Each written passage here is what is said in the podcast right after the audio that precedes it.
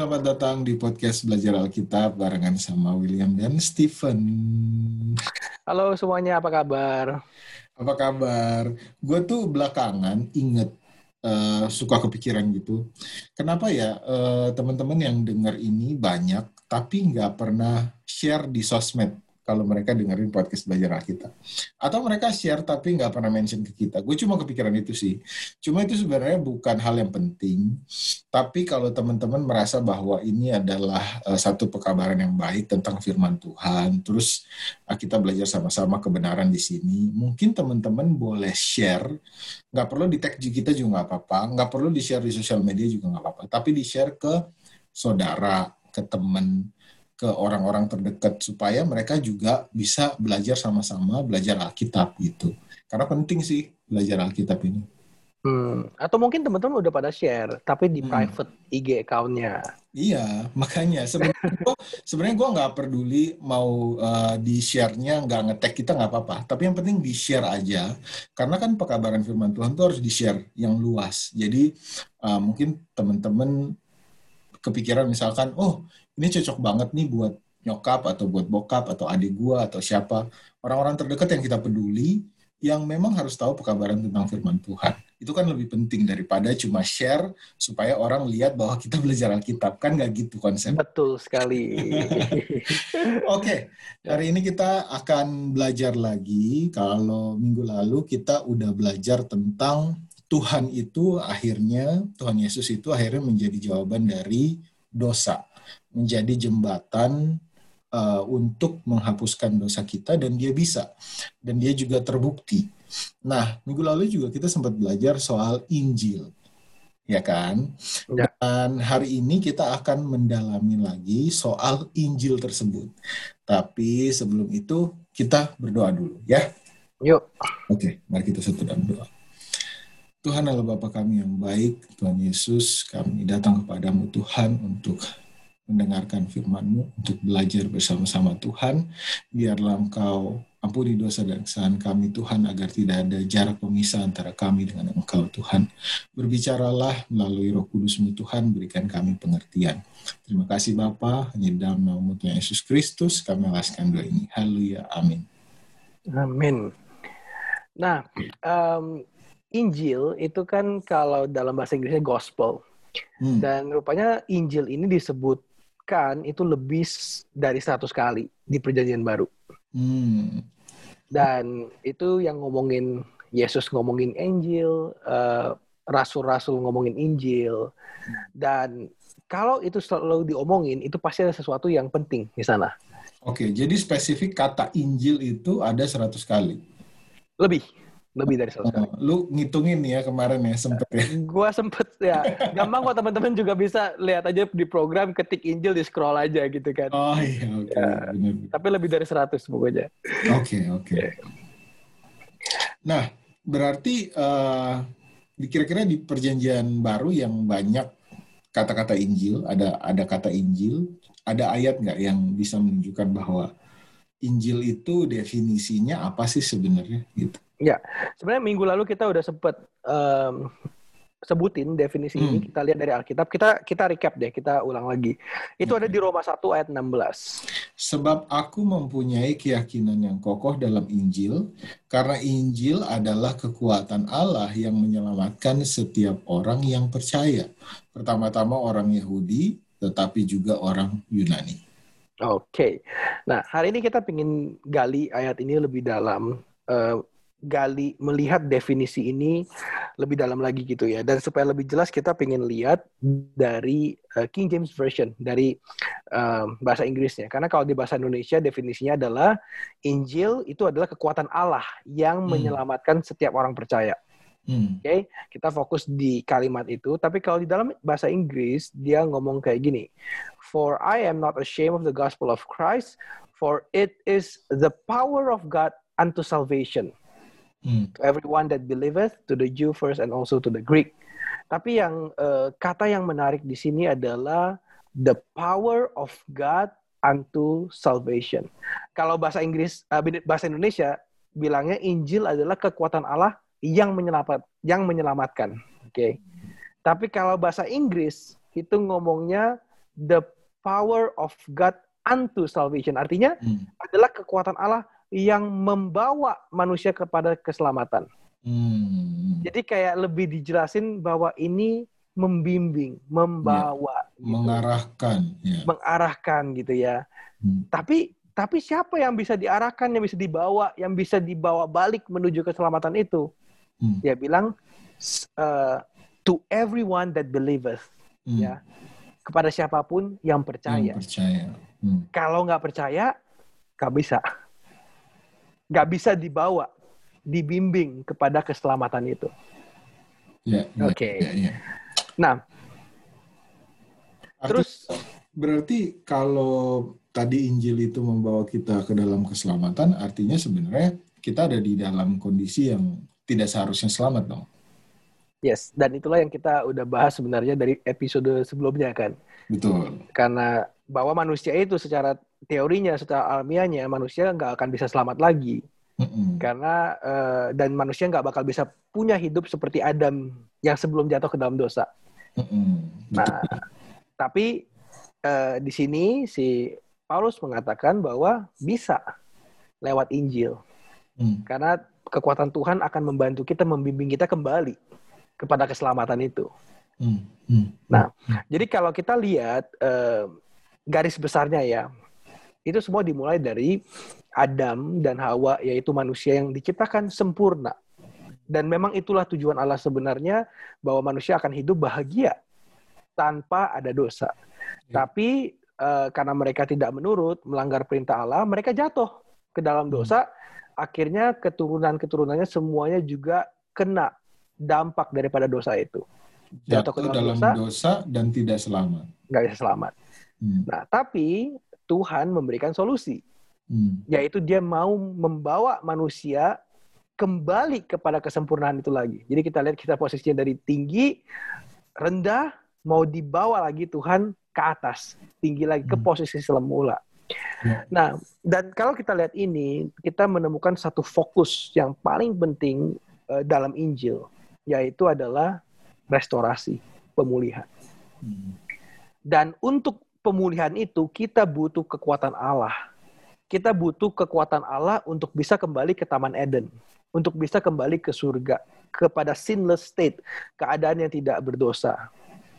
Nah, tapi sebelum kita masuk ke sana, kita uh, secara fisik masuk ke dalam Taman Eden, ke dalam kerajaan surga, kita butuh kekuatan Allah untuk merubah karakter kita supaya bisa sesuai dengan standar karakter penghuni Taman Eden yang sebelum jatuh ke dalam dosa. Betul. Dan itu karakter siapa? Karakter Kristus. Betul. Standar di mana yang ada di dalam situ adalah yang menurut. Karena kan Contoh pertama adalah Lucifer tidak menurut, tidak bisa di dalam surga. Iya. Lalu manusia disuruh gak usah makan, gak menurut, gak bisa di dalam surga. Lalu sekarang kita maunya menjadi yang seperti apa? Apa kita mau terus gak menurut, atau kita mau menurut, merubah karakter kita semakin hari semakin baik dan bisa kembali ke dalam kerjaan surga. Ya. Oke, sekarang kita uh, coba lihat Mika 4 ayat 8. Dan engkau, hai menara kawanan domba, hai bukit putri Sion, kepadamu akan datang dan akan kembali pemerintahan yang dahulu, kerajaan atas putri Yerusalem. Hmm. Nah, uh, di sini di bahasa Inggris King James Version, uh, kalau tadi bahasa Indonesia kan dikatakan akan kembali pemerintahan yang dahulu. Hmm. Tapi itu terjemahannya menurut gua kurang tepat. Ini lebih tepat di King James Version. Dia hmm. uh, bilang even the first dominion.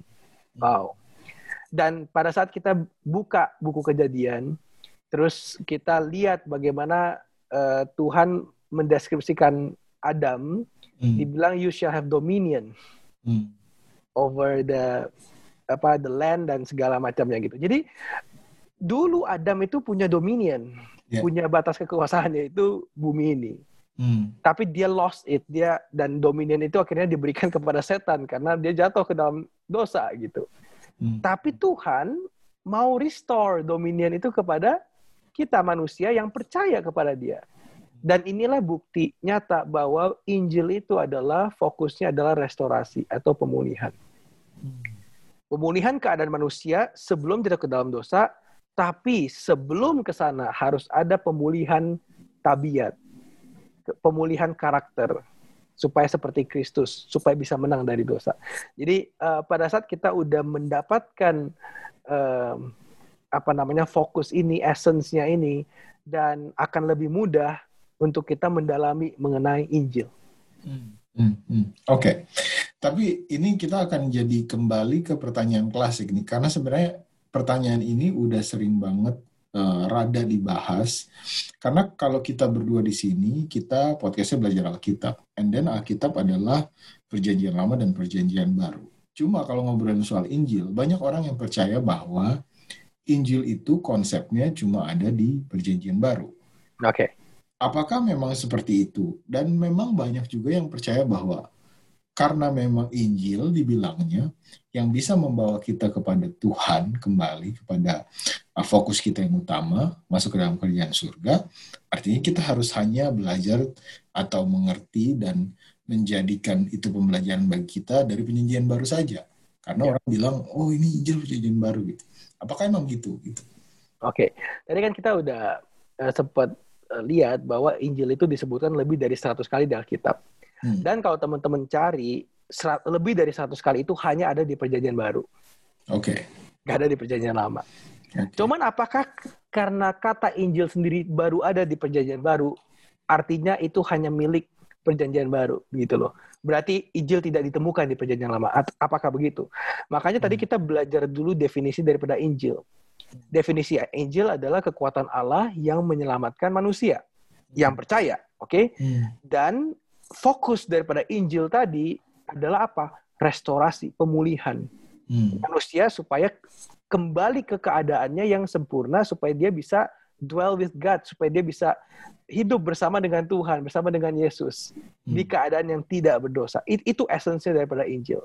Okay. Jadi pada saat kita mau lihat apakah in, konsep Injil ini cuma ada di perjanjian baru. Kita bukan gara-gara gak ada sebutan kata Injil berarti di perjanjian lama. Gak ada gitu loh. Ya. Tapi apakah konsep pemulihan, restorasi, kekuatan Allah yang menyelamatkan manusia yang percaya sama Tuhan diselamatkan? Apakah konsep itu ditekankan juga nggak sih di perjanjian lama? Itu yang kita hmm. ingin lihat gitu. Hmm.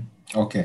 kalau memang apa namanya kayak gitu, harusnya dari Adam jatuh ke dalam dosa, udah ada dong konsep restorasi ini. Harusnya Tuhan udah bertindak dan memberikan apa sih Injil gitu.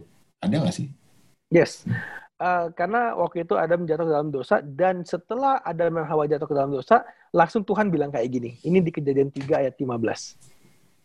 Aku akan mengadakan permusuhan antara engkau dan perempuan ini, antara keturunanmu dan keturunannya. Keturunannya akan meremukkan kepalamu dan engkau akan meremukkan tumitnya.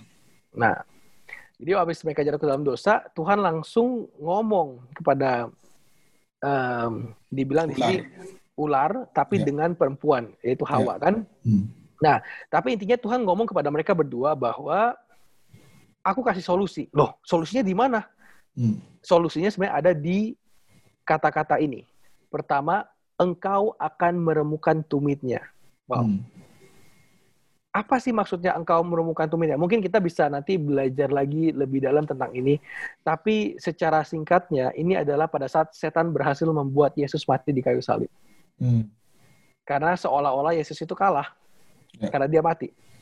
Tapi ternyata dia bisa berhasil membuat Yesus mati di kayu salib, tapi Yesus bangkit. Jadi cuman ibaratnya cuman bisa menemukan tumitnya. Hmm. Dan di sini dikatakan keturunannya akan meremukkan kepalamu. Jadi keturunan perempuan ini akan meremukkan kepalamu.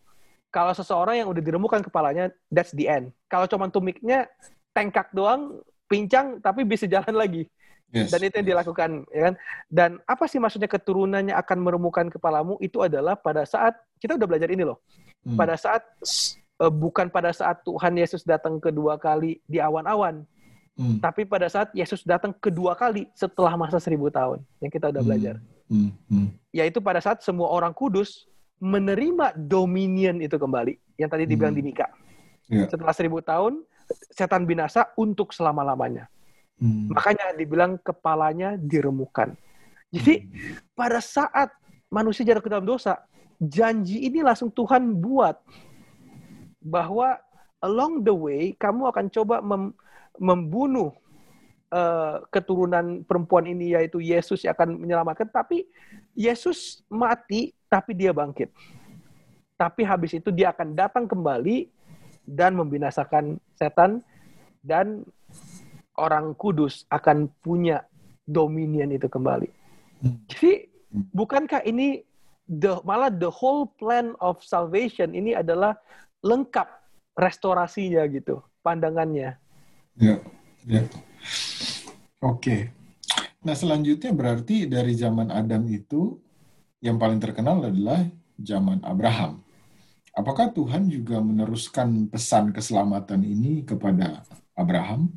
Apakah dia juga memberikan rancangan keselamatan ini kepada Abraham dan keturunannya? Ada ya. sih? Yes, ada. Um, kita coba lihat di kejadian 12 ayat 1 sampai 3. Berfirmanlah Tuhan kepada Abraham, Pergilah dari negerimu dan dari sanak saudaramu dan dari rumah bapamu ini ke negeri yang akan kutunjukkan kepadamu. Aku akan membuat engkau menjadi bangsa yang besar dan memberkati engkau, serta membuat namamu masyur, dan engkau akan menjadi berkat. Aku akan memberkati orang-orang yang memberkati engkau, dan mengutuk orang-orang yang mengutuk engkau. Dan olehmu semua kaum di muka bumi akan mendapat berkat. Oke. Okay. Dari tadi ada kata-kata yang selalu diulang. Hmm. Apa itu? Berkat, berkat. memberkati, ya. Ini kan, kamu akan jadi berkat, orang-orang memberkati engkau dan semua kaum akan mendapat berkat gara-gara kamu. Hmm. Uh, terus apa hubungannya sama Injil gitu kan? Ya, betul. Oke, okay. uh, kita sekarang lihat ke Galatia 3 ayat 8. Dan kitab suci yang sebelumnya mengetahui bahwa Allah membenarkan orang-orang bukan Yahudi oleh karena iman, telah terlebih dahulu memberitakan Injil kepada Abraham olehmu segala bangsa akan diberkati. Wow. Oh, wow. Oke. Okay. Jadi um, kata Injil nggak ada di Perjanjian Lama, tapi hmm. Paulus menekankan karena Tuhan Allah terlebih dahulu memberitakan apa? Injil. Injil. Kepada Abraham. Hmm. Ya. Dan Injilnya itu apa? Segala bangsa olehmu dari keturunan kamu Abraham, segala hmm. bangsa akan diberkati. Hmm. Nah, jadi Tuhan tekan ini kepada Abraham rencana pemulihan manusia ini. Hmm. Tapi eh, Abraham mungkin nggak ngerti gitu loh. Yeah, yeah. Tapi dia dikasih janji ini. Padahal yang mungkin dia ngerti, oh keturunanku akan banyak seperti bintang di langit. Hmm. Nah, dan ini coba kita lihat ya, apa sih maksudnya melalui Abraham semua bangsa akan mendapat berkat? Hmm. Apa maksudnya? Kita lihat Matius 1 ayat 1. Inilah silsilah Yesus Kristus, anak Daud, anak Abraham. Wow. Ya. Inilah Yesus Kristus, keturunan siapa? Abraham. Hmm. Jadi yang dimaksud mendapat berkat bukan berkat materi, bukan berkat eh, yang kesehatan, hmm. tapi berkat keselamatan. Keselamatan. Hmm. Karena Yesus itu keturunan Abraham. Ya, ya, ya. ya. Bahkan dari sejak dulu di sini di Galatia dibilang bahwa Allah membenarkan orang-orang bukan Yahudi oleh karena iman. Telah terlebih dahulu memberitakan Injil kepada Abraham. Jadi memang buat semua, buat kita yang punya iman, imam, eh imam, yang punya iman dan mau melakukan apa yang diperintahkan Tuhan, kita dapat keselamatan dan memang melalui keturunan Abraham. Yes. Yaitu Tuhan Yesus. Dan dan kenapa orang-orang percaya ini di perjanjian lama, hmm. uh, mulai dari Seth, Enos, terus sampai keturunan Abra, uh, Nuh, ya, terus ke Abraham, ke yang lain-lainnya juga, Daniel. Apa sih yang membuat mereka itu bisa bertahan dan percaya? Hmm. Pasti mereka tahu akan rencana keselamatan ini, restorasi ini, Injil ini mereka tuh tahu betul. Kalau enggak buat apa mereka percaya, ya kan? Ya. Nah, cuman mungkin yang mereka nggak mengerti adalah bagaimana rencana ini sepenuhnya akan di, dilaksanakan. Karena mereka mungkin mungkin aja Abraham pernah dikasih tahu tentang uh, Yesus, tapi bagaimana dia akan datang dan segala macamnya dia nggak tahu itu belum terjadi masalahnya. Hmm. Hmm. Ya kan? Daniel dikasih tahu dengan visionnya. Mungkin dia mengerti akan ada juru selamat, tapi dia dia nggak ngerti bagaimana itu akan difulfill. Yeah. Tapi dia tahu ada rencana restorasi yang Tuhan mau buat, ada Injil ini untuk hmm. keselamatan mereka. Hmm, hmm, hmm, hmm, hmm. hmm. Nah, ya, ya, ya, ya, benar sih. Dan ternyata itu Tuhan teruskan lagi. Jadi kita lihat dari zaman ke zaman, dari masa ke masa, itu selalu Tuhan ingetin, ingetin bahwa ada Injil. Hmm. Uh, setelah Abraham lagi ada bangsa Israel. Kenapa? Karena bangsa Israel sempat di Mesir. Hmm. Dan di Mesir itu mereka sempat udah lupa. Maksudnya semua yang perintah Allah dan segala macam itu mereka sempat lupa, mereka udah dalam perbudakan. Nah, ini diteruskan kepada bangsa Israel diingetin lagi. Hmm. Nah, coba kita lihat ayatnya. Nah, kita bisa lihat di Ibrani 4 ayat 1 sampai 2. Sebab itu baiklah kita waspada supaya jangan ada seorang di antara kamu yang dianggap ketinggalan. Sekalipun janji akan masuk ke, dala, ke dalam perhentiannya masih berlaku. Karena kepada kita diberitakan juga kabar kesukaan yang kabar kesukaan sama seperti kepada mereka. Tetapi firman pemberitaan itu tidak berguna bagi mereka karena tidak bertumbuh bersama-sama oleh iman dan dengan mereka yang mendengarkannya. Oke. Okay. Nah, yang kata yang kita mau highlight di sini kalimatnya adalah Uh, karena kepada kita diberitakan juga kabar kesukaan sama seperti kepada mereka. Oke, okay. hmm. pertama kita mau lihat masalah kabar kesukaan. Kalau di dalam bahasa Inggrisnya King James Version itu namanya gospel. Hmm. Jadi uh, gospel itu bisa ditranslate sebagai Injil, tapi itu juga ditranslate sebagai kabar gembira. Karena memang gospel itu kabar gembira, hmm. manusia bisa selamat. Jadi bisa cek sendiri teman-teman di King James. Jadi Injil itu juga diberitakan kepada mereka. Hmm. Sekarang bagaimana kita bisa yakin bahwa ini adalah bangsa Israel. Bangsa Israel. Hmm. Nah, ini kan Ibrani 4 ayat 1 sampai 2. Sekarang kita balik deh ke Ibrani 3. Uh, uh, pasal sebelumnya di Ibrani 3 ayat 17 sampai 19. Dan siapakah yang ia murkai 40 tahun lamanya? Bukankah mereka yang berbuat dosa dan yang mayatnya bergelimpangan di padang gurun, dan siapakah yang telah ia sumpahi bahwa mereka tak akan masuk ke tempat perhentiannya? Bukankah mereka yang tidak taat? Demikianlah kita lihat bahwa mereka tidak dapat masuk oleh karena ketidakpercayaan mereka. Oke. Siapa yang 40 tahun lamanya Tuhan murkai kalau bukan bangsa Israel?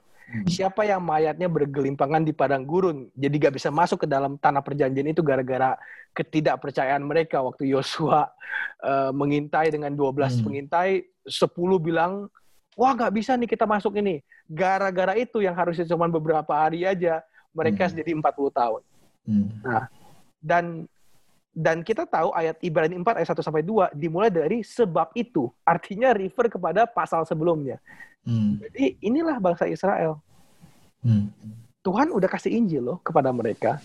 Tapi mungkin karena bangsa Israel itu tidak akan mengerti bahwa tanah perjanjian eh, apa namanya itu apa dia gak ngerti tanah perjanjian which is taman Eden sorgawi hmm. dominion pertama Adam mungkin itu terlampau jauh makanya Tuhan kasih gambaran tanah perjanjian Kanaan hmm. gitu tapi itu pun mereka nggak mau mereka nggak nurut nggak percaya takut apa benar kita bisa masuk kayak hmm. gitu mereka nggak percaya akan kekuatan Allah yang menyelamatkan mereka ya di sini kita lihat kan kekuatan Allah menyelamatkan mereka tapi mereka nggak nggak percaya kita nggak hmm. bisa nih rubuhin tembok Yeriko hmm. akhirnya Yosua dari dari pengintai 40 tahun kemudian dia jadi Enggak, uh, memimpin. memimpin untuk hmm. menghancurkan kota Yeriko.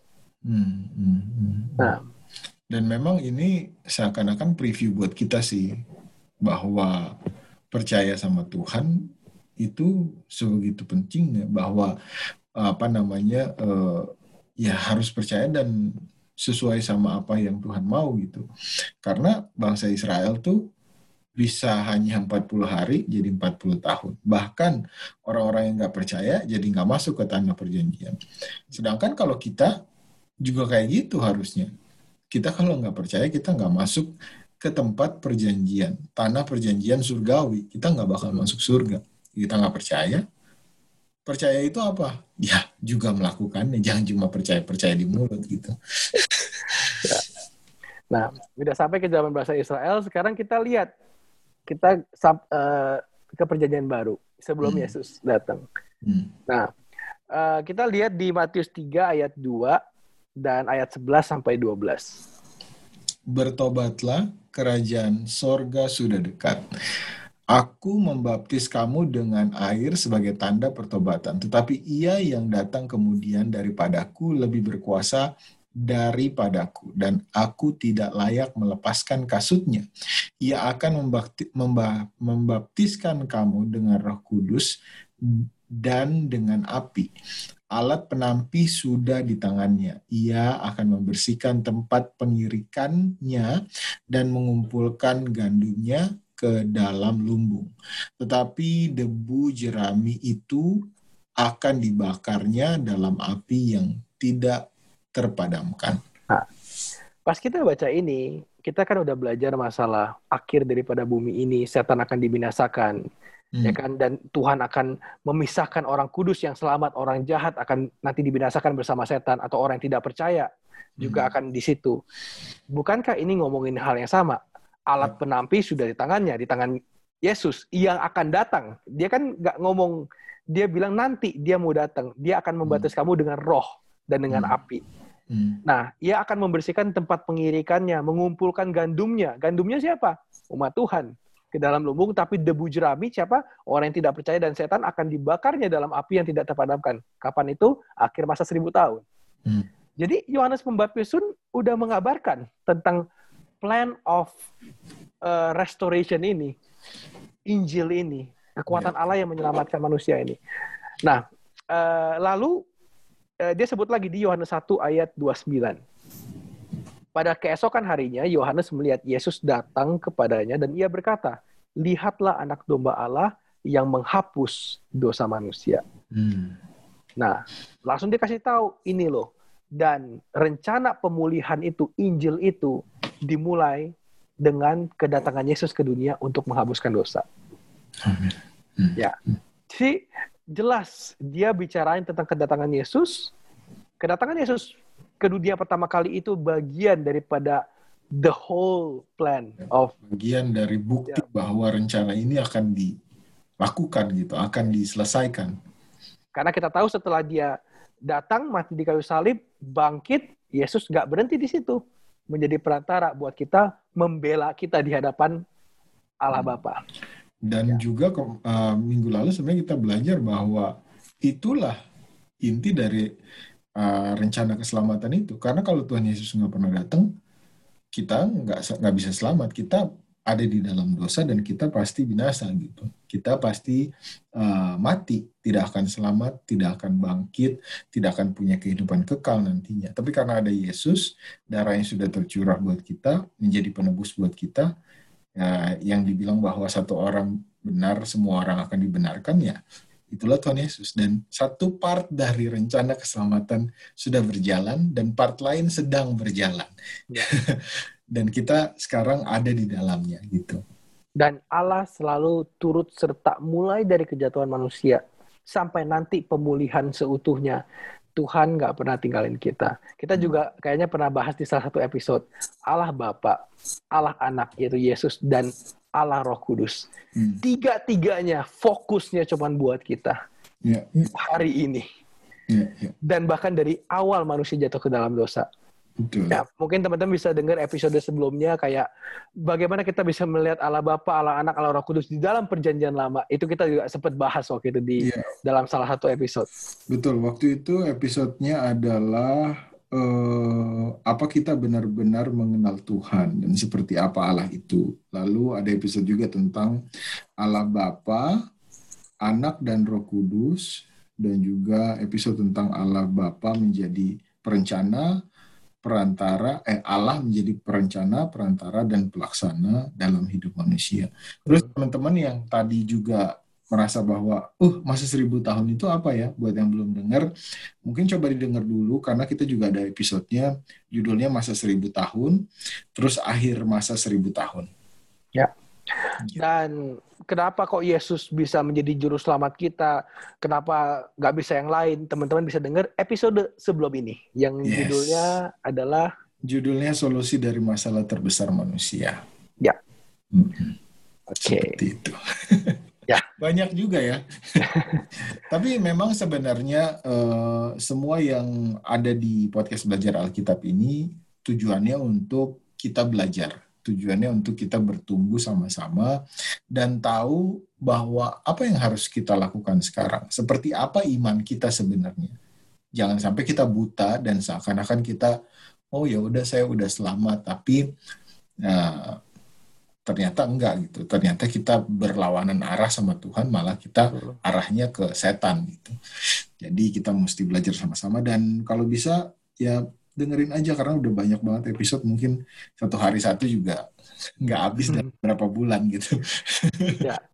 Oke, okay. okay, kita lanjut lagi ya. Jadi tadi kita udah lihat dari Adam, dari masa ke masa Adam, Abraham, bangsa Israel, Yohanes Pembaptis sebelum Yesus datang, sampai ke Yesus datang, dan sekarang dari Yesus. Yesus pun memberitakan Injil. Kita hmm. bisa lihat di sini. Matius 4 ayat 23. Yesus pun berkeliling di seluruh Galilea. Ia mengajar dalam rumah-rumah ibadat dan memberitakan Injil Kerajaan Allah serta melenyapkan segala penyakit dan kelemahan di antara bangsa itu. Yesus memberitakan Injil.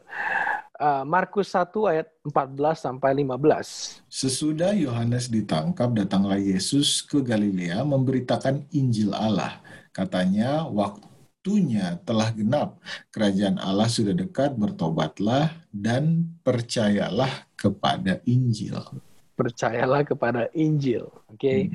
um, kita nggak bahas dulu ya Injil itu uh, bagaimana itu nanti terwujud di dalam uh, hidup kita. Mungkin kita akan bahas ini next episode. Tapi kita lihat dulu bahwa Yesus pun memberitakan Injil artinya rencana pemulihan karena tadi fokusnya Injil ada pemulihan seutuhnya. Rencana keselamatan. Hmm. Rencana keselamatan itu Yesus pun mengabarkan itu. Hmm. Ya. Walaupun dia adalah salah satu perwujudan daripada Injil itu, tapi dia juga mengabarkan itu. Lalu kita lihat di Yohanes 17 ayat 3. Inilah hidup yang kekal itu, yaitu bahwa mereka mengenal Engkau, satu-satunya Allah yang benar, dan mengenal Yesus Kristus yang telah Engkau utus. Ya, ini yang Yesus katakan kepada Allah Bapa, kalau hmm. aja mereka mengenal Aku, hmm. yang Engkau utus, satu hmm. dan mengenal Engkau, Allah Bapa hmm. satu-satunya Allah yang benar, mereka dapat hidup kekal. See, ini hmm. about Injil juga, hmm. restorasi kepada hidup yang kekal. Ya. Hmm. Jadi uh, dan di sini ada satu kata yang menarik adalah mengenal. Hmm. Dan mengenal Yesus Kristus yang telah engkau utus. Bukan cuma tahu siapa itu Yesus, hmm. tapi kenal. Nah, tapi nanti kita akan bahas lebih lanjut di episode sebelumnya, eh, setelahnya, setelah mengenai hal ini.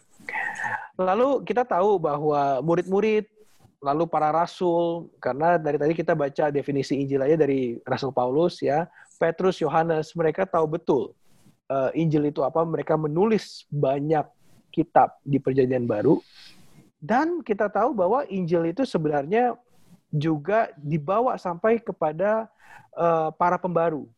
Jadi kayak Martin Luther, hmm. yang uh, John Huss, terus uh, Jerome gitu ya, dan dan pembaru-pembaru ini mereka itu yang menentang uh, semua hal yang salah yang tidak sesuai dengan Alkitab. Yeah.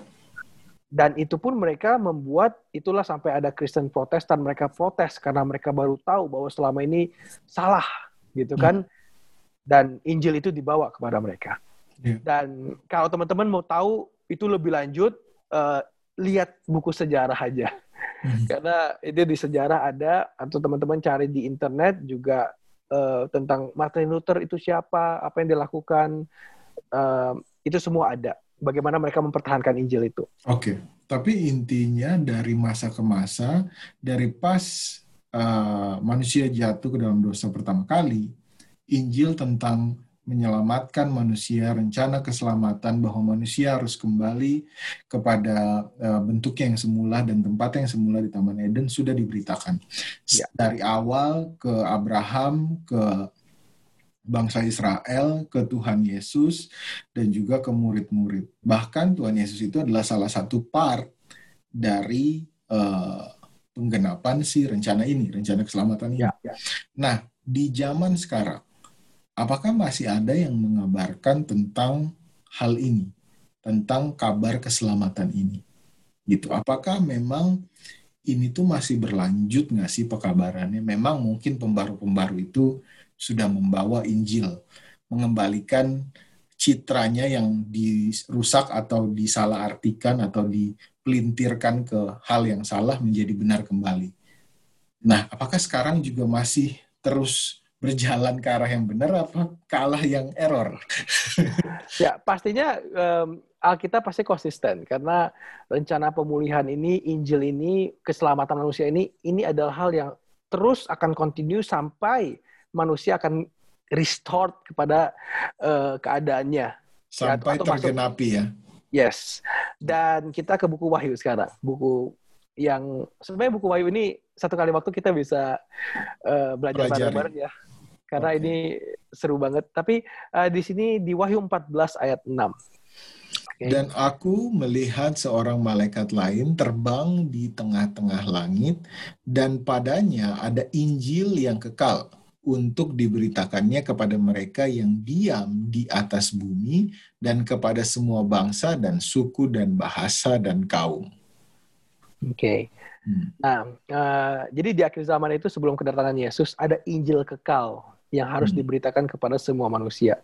Hmm. Oke, okay.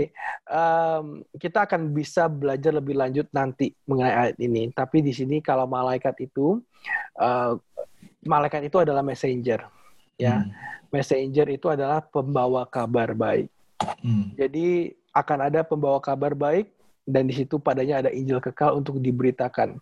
Ya, kita gak akan kulik uh, ayat ini lebih lanjut, lebih dalam, tapi di sini kita lihat bahwa uh, Injil ini akan disiarkan kepada mereka yang di atas uh, yang diam di atas bumi dan kepada semua bangsa dan suku dan bahasa dan kaum.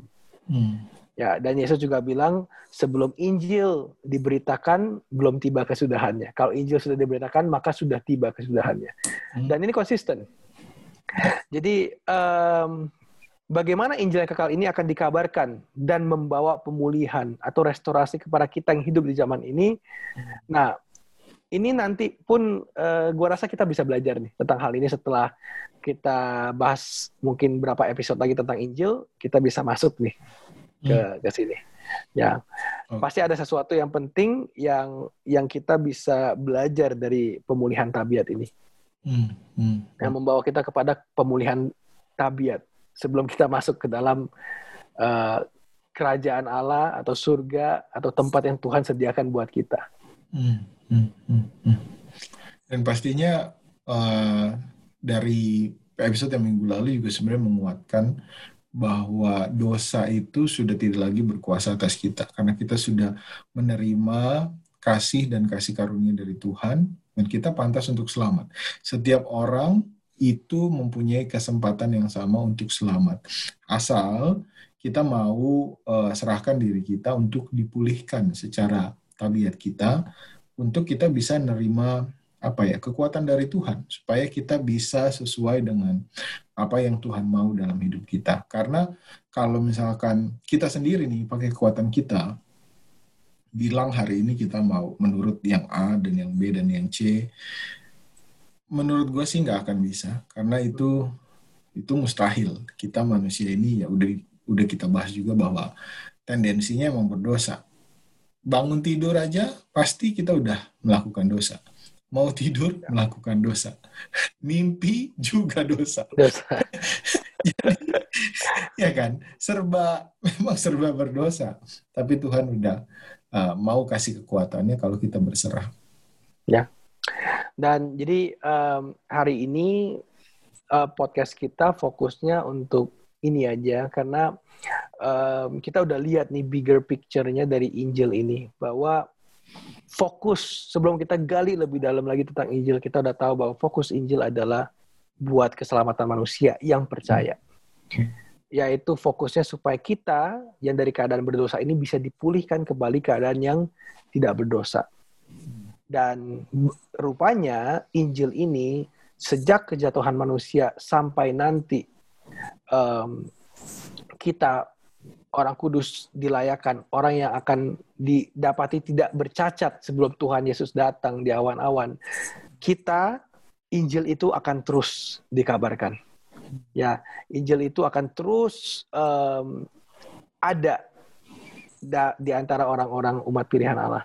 Jadi um, minggu depan kita akan belajar lebih dalam lagi mengenai Injil karena kita berdua lagi belajar juga kalau kita udah tahu fokusnya, sekarang apa sih yang dimaksud dengan kita menerima Injil atau kekuatan Allah? Apakah cuma dengan percaya itu cukup? Ya kayak gitu. Apakah dengan harus melakukan kewajiban-kewajiban apa? Apakah kayak gitu gitu loh? Nah kita juga nanti mau belajar lagi. Jadi wujud daripada restoration atau pemulihan itu kayak gimana nanti? Apa yang kita akan lakukan setelah kita menerima Injil? apa yang dimaksud dengan mengabarkan Injil. Nah, itu semua akan kita bahas lebih lanjut di episode setelahnya. Wah, seru. Oke, baiklah. Uh, apa ya? Lebih kepada terus berdoa dan setia di dalam Tuhan, uh, terus minta kekuatan Dia, yaitu Injil tadi.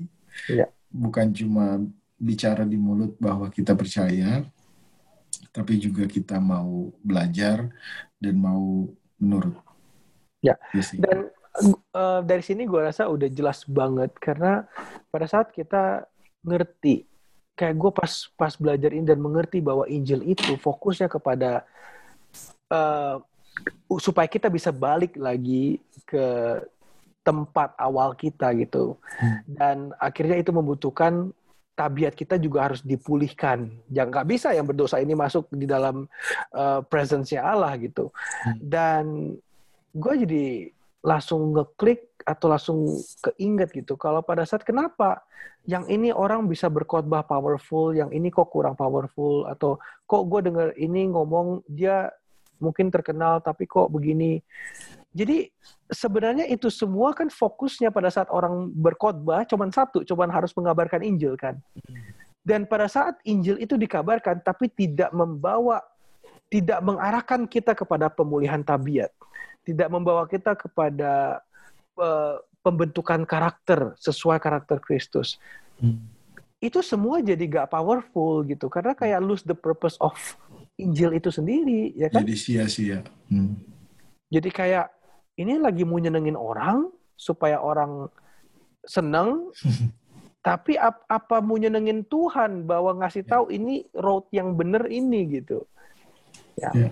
Dan sebenarnya yang paling indah adalah sekarang kita uh, tahu bahwa rancangan Tuhan itu buat kita bukan di bumi ini Ya. Rancangan Tuhan buat kita itu di dalam kerajaan surga yang harusnya kita nggak harus jatuh ke dalam dosa dan kita tetap di surga. Tapi walaupun kita udah jatuh, dia mau mengembalikan kita ke dalam kerajaan surga dan kita punya kehidupan yang kekal. Dan janjinya lagi bahwa di sana nggak ada penderitaan, nggak ada tangis, bahagia, eh, nggak uh, ada hal-hal yang kita rasain di bumi ini dan itu semua menyebalkan dan membuat kita menderita. Itu udah nggak ada lagi. Jadi dengan tahu hal ini, harusnya kita jadi lebih tenang. Kalaupun di sini kita nggak nggak sukses, asal kita setia sama Tuhan, asal kita benar, nggak apa-apa. Ataupun misalkan di sini kita banyak kekecewaan di bumi, orang nipu kita, ada yang bohongin, atau kita punya banyak kekecewaan lain tapi nggak apa-apa, asal kita setia dan mau menurut. Karena uh, upahnya itu bukan di sini memang. Kadang orang soalnya semakin ke sini dan memang masih banyak majority yang berpikir bahwa berkat itu adanya di bumi. Tapi sebenarnya ternyata setelah kita pelajari beberapa bulan terakhir, enggak. Tuhan tuh punya berkat yang luar biasa di akhir nanti. Pada saat dia datang, mau kita masih hidup pada saat dia datang, atau kita sudah mati, dia akan bangkitkan kita, dan puji Tuhan kita akan bersama-sama dia. Amin. Dan um, kalau kita udah tahu fokus Tuhan adalah mengembalikan kita, menyelamatkan kita kepada uh, supaya kita bisa merasakan apa sih yang ada merasakan sebelum jatuh ke dalam dosa. Hmm. Kepada rencana awal Tuhan. Kita tahu setan pasti mencoba untuk membuat pikiran kita tuh kabur dari fokus itu. Yeah. Supaya kita nggak bisa ada pemulihan tabiat, supaya kita nggak bisa untuk menuju ke arah sana. Hmm. Dan makanya dunia ini chaos dan sedihnya banyak orang lebih memilih untuk ke situ. Mungkin, mudah-mudahan, kenapa banyak orang yang mungkin masih suka uh, apa namanya melawan daripada perintah Allah atau hmm. yang lainnya mungkin karena mereka nggak tahu tentang fokus Allah kepada pemain ini. Yeah. Mudah-mudahan karena itu. Dan inilah makanya kita sama-sama belajar, kita mau bagikan buat eh, orang-orang uh, yang mungkin belum yeah. tahu Ya, dan kita juga sebenarnya tadinya belum tahu. Dan tapi kita mau belajar, kita belajar sama-sama, kita bisa tahu dan puji Tuhan kalau kita mau buka hati untuk terima ini, ya kita ada damai nantinya. Karena puji Tuhan juga Tuhan tadi janji bahwa akan ada malaikat yang padanya ada Injil yang kekal dan dia akan mengabarkan Injil itu. Dan buat orang yang belum tahu, itu adalah sesuatu yang luar biasa. Kalau nanti dia tahu Injil yang kekal itu, dan dia terima. Ah, artinya kan dia menerima rancangan keselamatan buat dia. Ya. Gitu. Jadi semoga kita adalah orang-orang yang mau terima firman Tuhan, Injil, dan juga segala perintahnya yang ada di Alkitab. Yes. Oke, Pak William silakan berdoa buat kita. Yuk, kita berdoa. Tuhan di surga, terima kasih Tuhan karena kami sudah mengerti bahwa fokus Tuhan adalah untuk keselamatan kami. Kami mengerti Tuhan bahwa um, Tuhan sangat sayang dengan kami dan kami Tuhan mau kami merasakan bagaimana rasanya hidup seperti Adam pada waktu dia diciptakan untuk bisa berbahagia bukan dengan di bumi sekarang ini yang penuh tantangan dan ketidakpastian ya Tuhan. Tuhan di sini kami dengan teman-teman belajar ya Tuhan. Kami ingin mengerti maksud Tuhan, rencana Tuhan. Dan kami ingin bisa merasakan kekuatan Tuhan bekerja di dalam hidup kami. Dan Tuhan kami berdoa supaya Tuhan akan selalu membimbing kami, supaya hati kami selalu Tuhan akan lunakan, supaya kami bisa menerima apa yang Alkitab ajarkan buat kami. Hmm. Terima kasih ya Tuhan, kiranya Tuhan akan menyertai teman-teman semua di mana pun mereka berada, selalu diberikan penjagaan, kesehatan ya Tuhan. Dan juga supaya kami di sini, Stephen dan William di sini Tuhan, supaya kami juga bisa terus semangat dan rajin untuk um, menggali Alkitab. Terima kasih ya Tuhan, di dalam nama Yesus kami telah berdoa. Amin. Amin.